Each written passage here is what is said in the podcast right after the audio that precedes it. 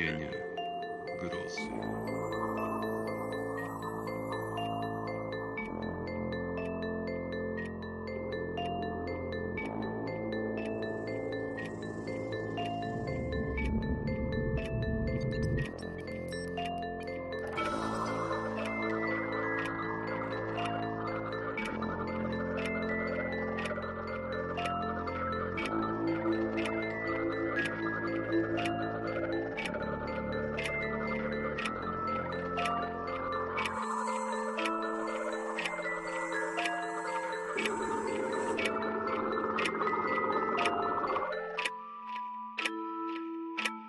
Wiktor Orłowski.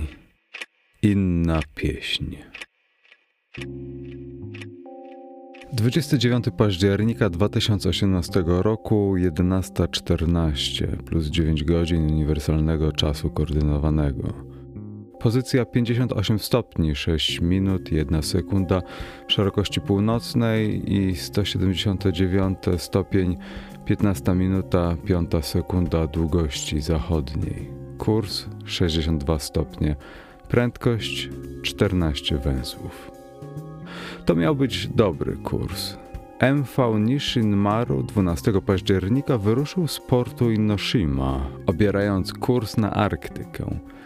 Wróci stamtąd za niespełna rok, wioząc kilkasetek płetwali karłowatych, łagodnych potworów o ciemnoszarych grzbietach. Do Japonii wrócą elegancko rozebrane na ociekające ciemnoczerwoną posoką części. Wszystko w służbie nauki. To miał być dobry kurs. 19 października w samo południe Mat Bagwis Libunao pociął sobie ręce. Kajuty marynarzy na dolnym pokładzie rozmiarem niewiele różniły się od pojemnej szafy. Szukający sensacji Bosman musiał wyjść na ciasny korytarz, by przepuścić oficera w drzwiach. Pierwszy oficer, Kurt Nielsen, bezceremonialnie zatrzasnął mu je przed nosem. Co to się dzieje, forfaen? warknął cicho. Filipińczyk na koi był blady jak świeżo zagruntowane płótno. Czarne półksiężyce sińców wykwitły mu pod oczami, upodobniając marynarza do pandy. Jego lewe przedramię ściśle oplatał biały opatrunek. Karl spojrzał mu w oczy i zadrżał. Były szkliste jak u oprawionego wieloryba. Kurt wiele razy widział oczy śniętego walenia. Na wielorybnikach pływał od 13 lat. Drugi oficer, Yokozawa, z trzaskiem zamknął apteczkę. Dałem mu kodeinę, żelazo i diazepam, powiedział. Chyba jest w szoku. Mówi, że go głowa boli. Powiedział coś jeszcze. Bełkocze po swojemu. Ja nie znam Tagaloga, ale Yokozawa zawahał się. Jego palce w pośpiechu zatańczyły na ekranie telefonu. Proszę na to spojrzeć. Nielsen obejrzał zdjęcie i poczuł dołu pleców zimny dreszcz. Jokozawa, zanim nałożył Libunao opatrunek, uznał za stosowne sfotografować jego przedramię. Pomysł dość upiorny, jeśli ktoś pytałby Kurta o zdanie, ale za to słuszny. Seria głębokich nacięć przedstawiała wieloryba, mówiąc ściślej kaszalota. Powinniśmy o tym powiedzieć kapitanowi. Na wszystkich jednostkach pływających, nieważne czy wojskowych, czy też cywilnych, panowała co do zasady jedna żelazna reguła. Kapitan powinien wiedzieć wszystko, co dzieje się na jego okręcie. Rzecz jasna, o ile pierwszy oficer nie postanowi inaczej. Nie, odparł Kurt z wahaniem, wstając z niskiego krzesła. Nie potrafił powiedzieć, co nim powodowało. Kapitan Kuroda niebawem i tak obejmie wachtą, wówczas dowie się wszystkiego. Zaniechanie obowiązków skończy się w najlepszym razie nieprzyjemną rozmową, w najgorszym soczystym raportem wysmarowanym do zarządu Kyoto Senpaku Kaisha Limited. Nie wiedział. Głos Libunao dopadł go jeszcze w drzwiach. Filipińczyk mówił bardzo cicho i z obcym akcentem, ale niewątpliwie po angielsku. One śpiewają, chief. śpiewają i płaczą. Spotkali się dopiero po dwudziestej. On, drugi oficer Yokozawa i główny inżynier Nitobe. Niemłody już Japończyk o samurajskim wąsiku i posępnej, mięsistej twarzy inteligentnego człowieka. We trzech wcisnęli się do wąskiej kabiny Kurta. Nishin Maru był okrętem cywilnym. Ba, okrętem badawczym, przynajmniej z nazwy. Kurt nie mógł po prostu wyrzucić załogi z mesy, gdy tylko nabrał takiej fantazji, a nawet gdyby mógł, nadal wolałby ciasną kubaturę własnego lokum. Sytuacja była delikatna, nie chciał więc wzbudzać niepokoju. Słucham panów. Zaczął wyciągając z szafki pękatą butelkę whisky. Może i pływał na japońskim statku, ale do stu diabłów. Nikt go nie zmusi do picia ich ryżowego bimbru. Na Nishin Maru nie było zresztą mowy o porządnym piciu. Na ponad 30 mężczyzn był tu jedynym Europejczykiem. Kadra specjalistyczna rekrutowała się z Japończyków, którzy po dwóch łykach stawali się podejrzani rozbawieni. Załoga niższa, praktycznie sami Filipińczycy, Indonezyjczycy, z których ci drudzy władali angielskim tak łamanym, że aż słychać było jego strekanty, była niewiele lepsza. Dlatego Kurt zazwyczaj pił sam. Współczesne okręty nie wymagają życia społecznego, a on był tu obcy. Obcy od trzech lat. Gaijin. I zawsze tak będzie. Nitobe z kinieniem głowy podziękował za szklankę. Jokozawa nerwowym gestem odblokował tablet. Sprawdziłem kilka rzeczy w internecie, zaczął kładąc urządzenie płasko na blacie. Byłem pewien, że gdzieś to już widziałem i... Sami spójrzcie. Stuknięciem w ekran wywołał anglojęzyczny artykuł.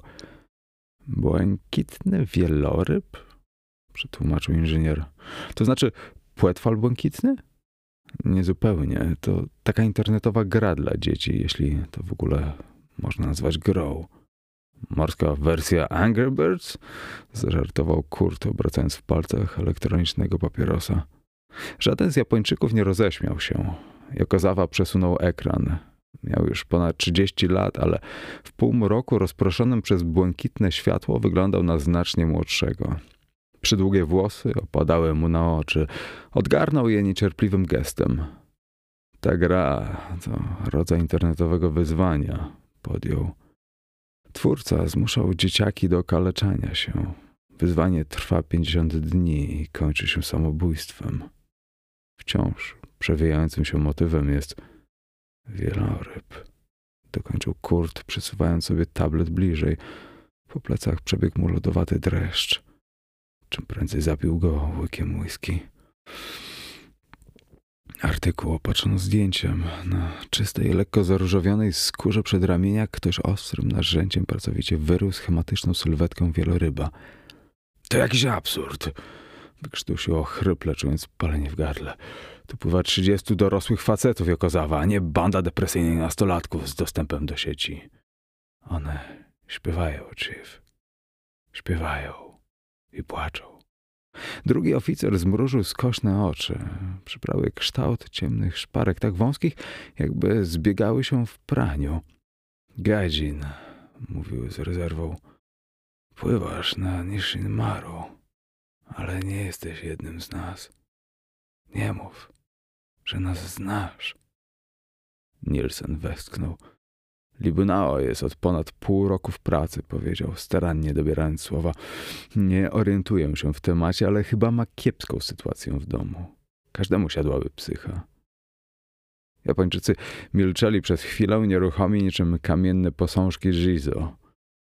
Może pan mieć rację, odparł wreszcie Okazawa, ale Kurd wiedział, że drugi oficer i inżynier nie uwierzyli w ani jedno jego słowo.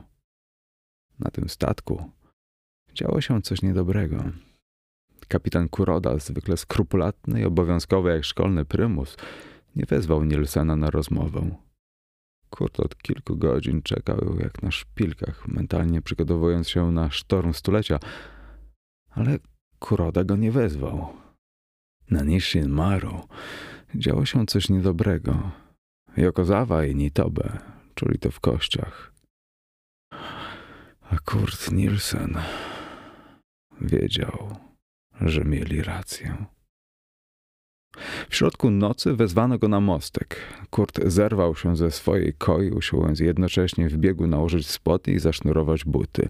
Wśród dyżurujących stale był przynajmniej jeden oficer, a w sprawach pilnych należało wezwać kapitana. Nie pojmował więc, po jaką cholerę wyrwano z łóżka akurat jego. Na mostku, prócz mata trzymającego tej nocy wartę, tłoczyło się jeszcze czterech innych marynarzy. Fafor noe drit, zgryźliwe. Któryś ma wieczór kawalerski? Sonar złapał stado karów, chief, odezwał się maty dyżurujący po angielsku. Spore. Nie mogło to poczekać do rana? Zapytał, choć wiedział, że nie to pytanie powinien zadać. Dlaczego wezwaliście mnie? Dlaczego mnie, no? Stu diabłów, a nie kurodę.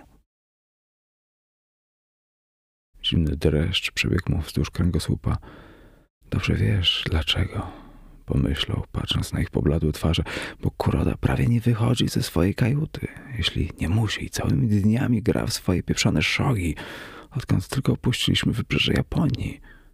Bo robi się tak niekompetentny, że lada chwila zauważy, to nawet pieprzony bosman. O z tego samego powodu nie służyłeś mu raportu, chociaż powinieneś.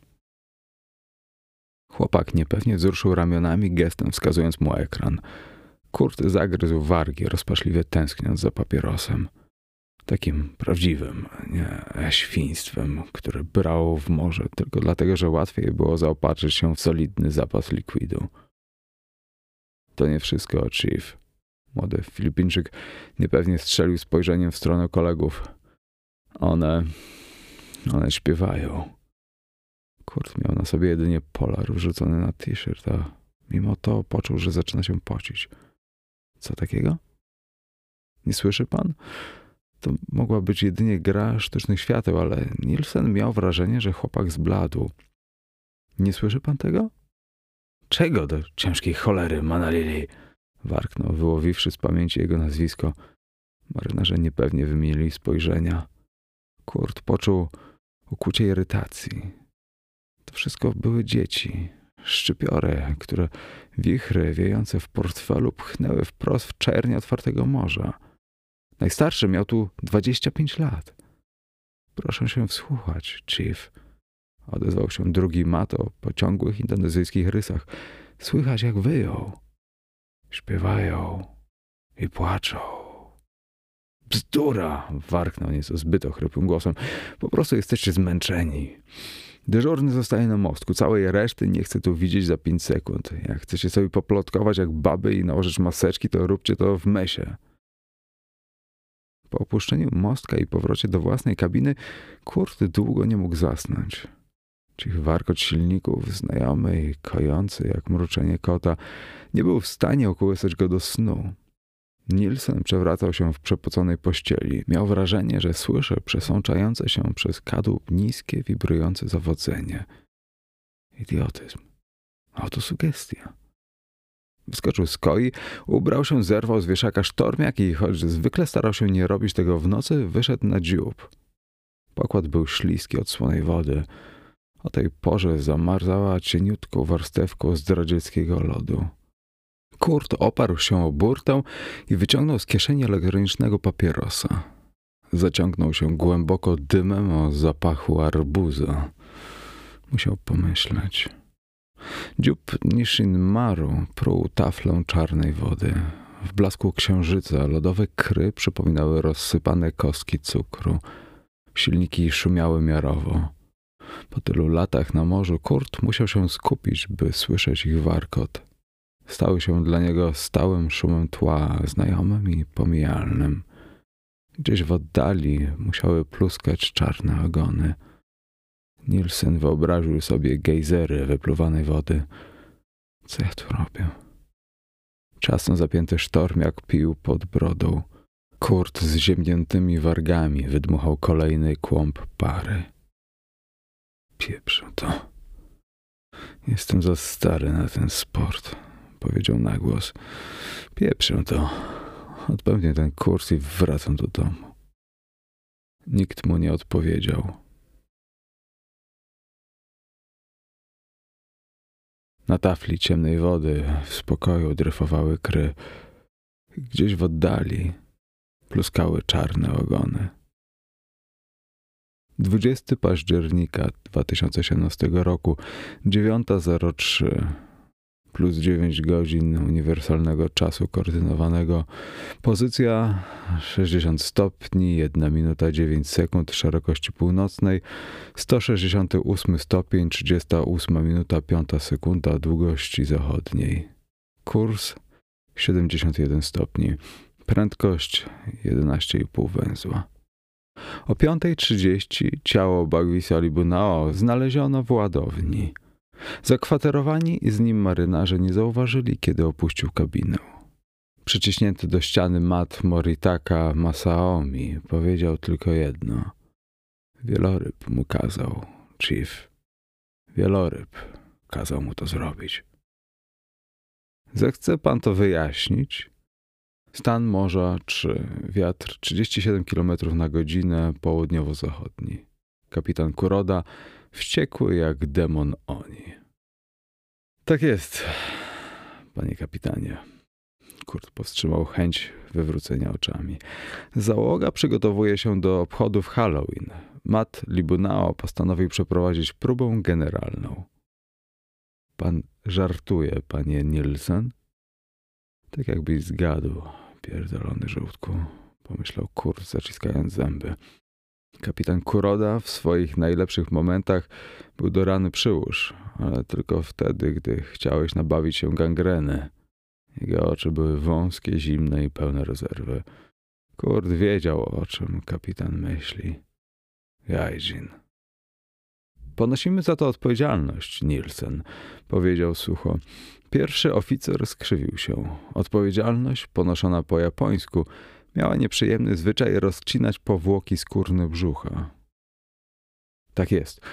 Mamy wystarczająco dużo kłopotów z ekologami, Sea Shepherd. Tak jest, powtórzył Kurt, mierząc ponurym wzrokiem barwne kakemono zawieszone za biurkiem dowódcy okrętu. W porównaniu z kabinami zwykłych marynarzy, lokum kapitańskie przywodziło na myśl apartament w luksusowym Ryokan. Kurt, będąc tu po raz pierwszy, miał cholerną ochotę roześmiać się na widok dwóch tradycyjnych mieczy z pietyzmem przymocowanych do ściany. Potem mu przeszło. Gdzie jest ciało? Kazałem je zanieść do ładowni. Tam są chłodnie. Milczeli przez chwilę. Kurt Nielsen wiedział, co powinno teraz nastąpić. Kuroda powinien zmienić kurs okrętu, zawinąć do najbliższego japońskiego portu i natychmiast przerwać ten rejs. Ale Kuroda tego nie zrobi. Widział to w jego oczach. Nie zrobi tego, a Kurt, druga najważniejsza osoba na Nishinmaru, nie uczyni nic, by na niego wpłynąć. Tak załatwiały się te sprawy, tak funkcjonowała jedyna na świecie pływająca rzeźnia pieprzonych wielorybów. 333 sztuki w tym roku. Kurt już widział oczyma wyobraźni te krzykliwe nagłówki, pogrążeni w depresji mordercy pięknych zwierząt, odbierają sobie życie. Widział triumfalne uśmieszki cholernych pasterzy mórz. Oni nie wrócą. Honor i poczucie wstydu im nie pozwoli. Banzai! Jeśli pan pozwoli, wrócę do swoich obowiązków, powiedział Kurt cicho, zginając kark w oszczędnym ukłonie. Kapitan Kuroda wrócił do przerwanej partii szogi, którą rozgrywał sam ze sobą.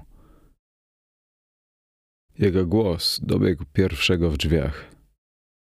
Nielsen? Czy wie pan, dlaczego Matt Libunao to zrobił? Oczy kapitana zrobiły się dziwnie mętne.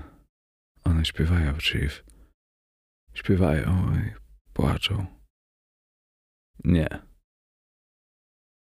Po rozmowie z kapitanem Kurt czuł się wypompowany, jakby własnoręcznie podniósł kaszalota.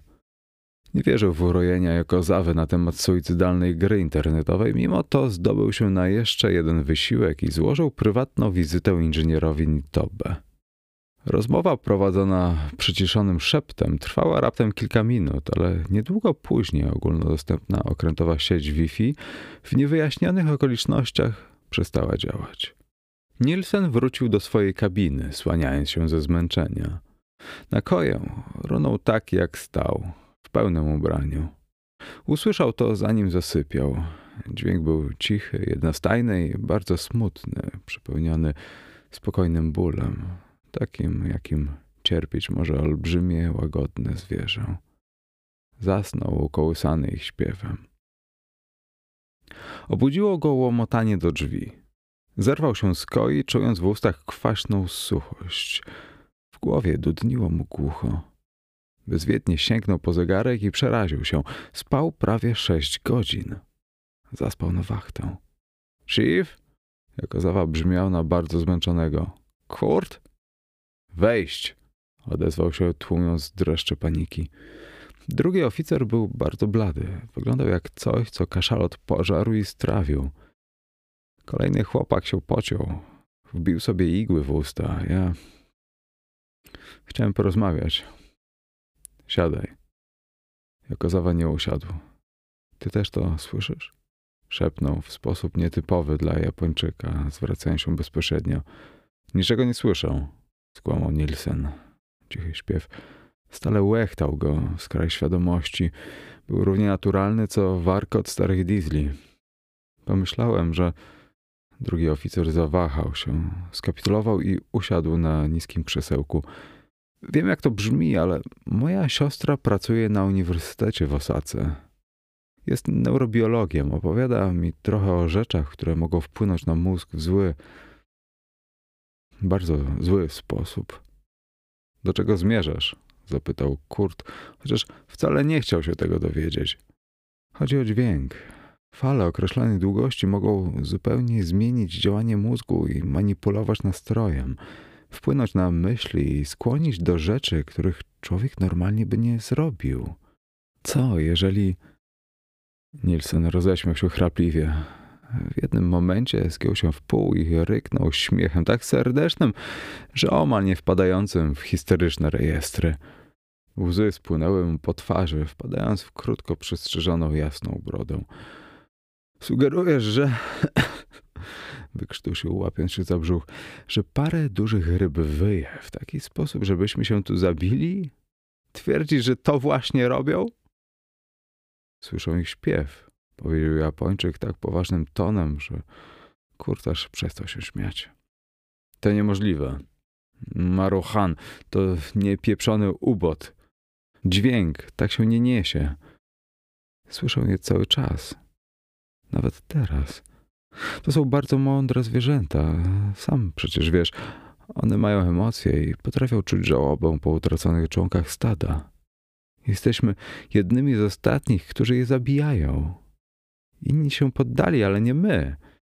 Nishin Maru jest jedyną na świecie faktorią pływającą rzeźnią dla wielorybów. To, co sugerujesz, jest absurdalne, wycedził Nielsen przez zaciśnięte zęby. Niczego nie sugerują. Po prostu, jako zawał urwał, wykonał ręką niesprecyzowany gest. Jesteśmy ostatni.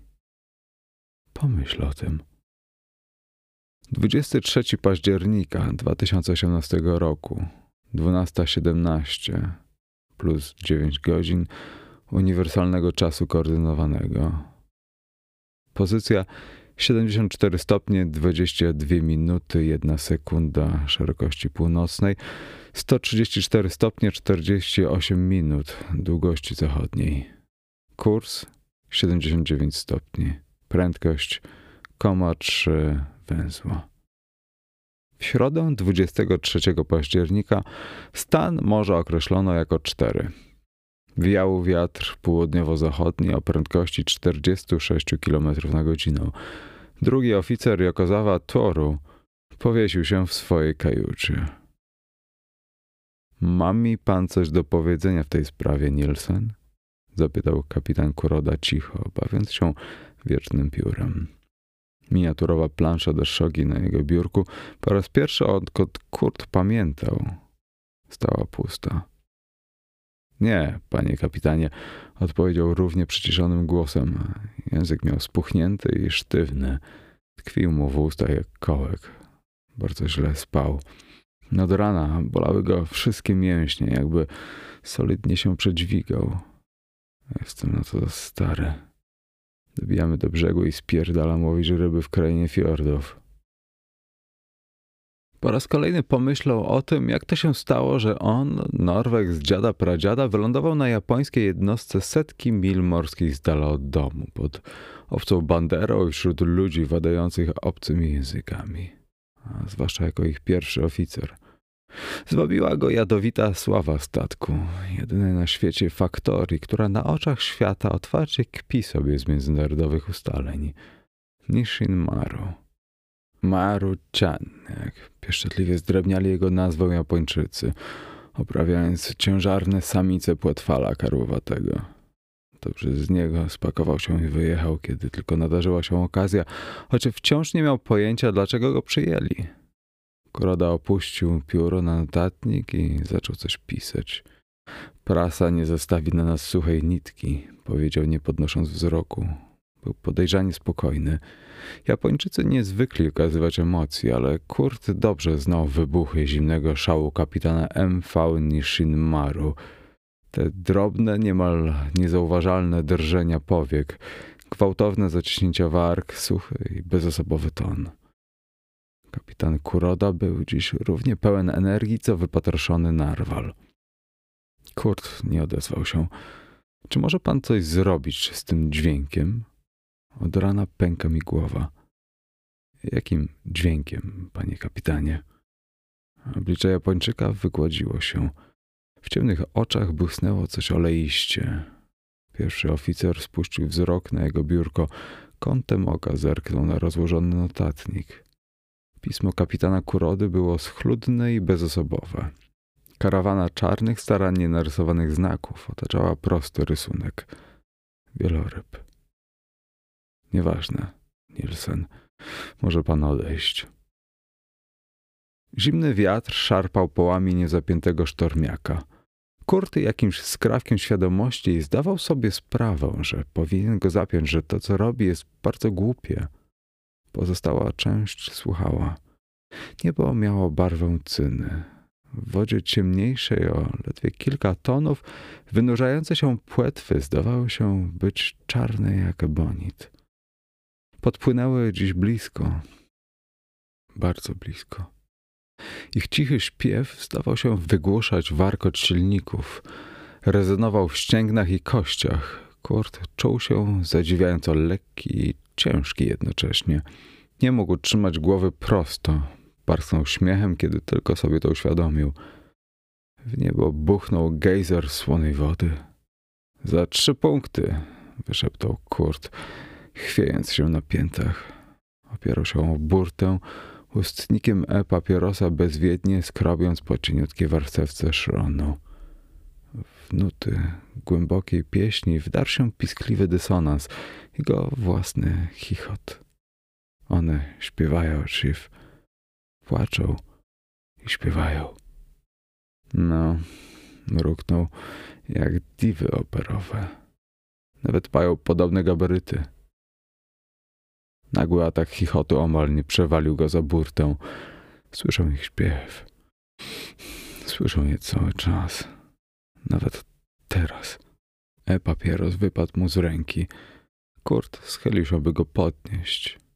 Rysunek własnoręcznie wyskrobany w cieniutkiej warstwie szronu zaświtał mu na wysokości oczu. Płetwal karłowaty. Kurt Nielsen zachichotał. Chief? Ktoś szarpnął go za ramię. Kurt podniósł głowę. Z trudem ogniskował wzrok na śniadej szczupłej twarzy Filipińczyka. Z jeszcze większym trudem przychodziło mu przełożenie jego dziwacznej angielszczyzny na język ludzi. A? Mruknął, rozglądając się dookoła półprzytomnie. Nie pamiętał, jak trafił do mesy. Chyba coś jadł. W ustach czuł charakterystyczny posmak ryżu z ryżem, podanego z lekko domieszką ryby i na skośną oką modłę owiniętego glonem. Chief, kapitan nie zjawił się na obiedzie. Od rana nie opuścił swojej kabiny.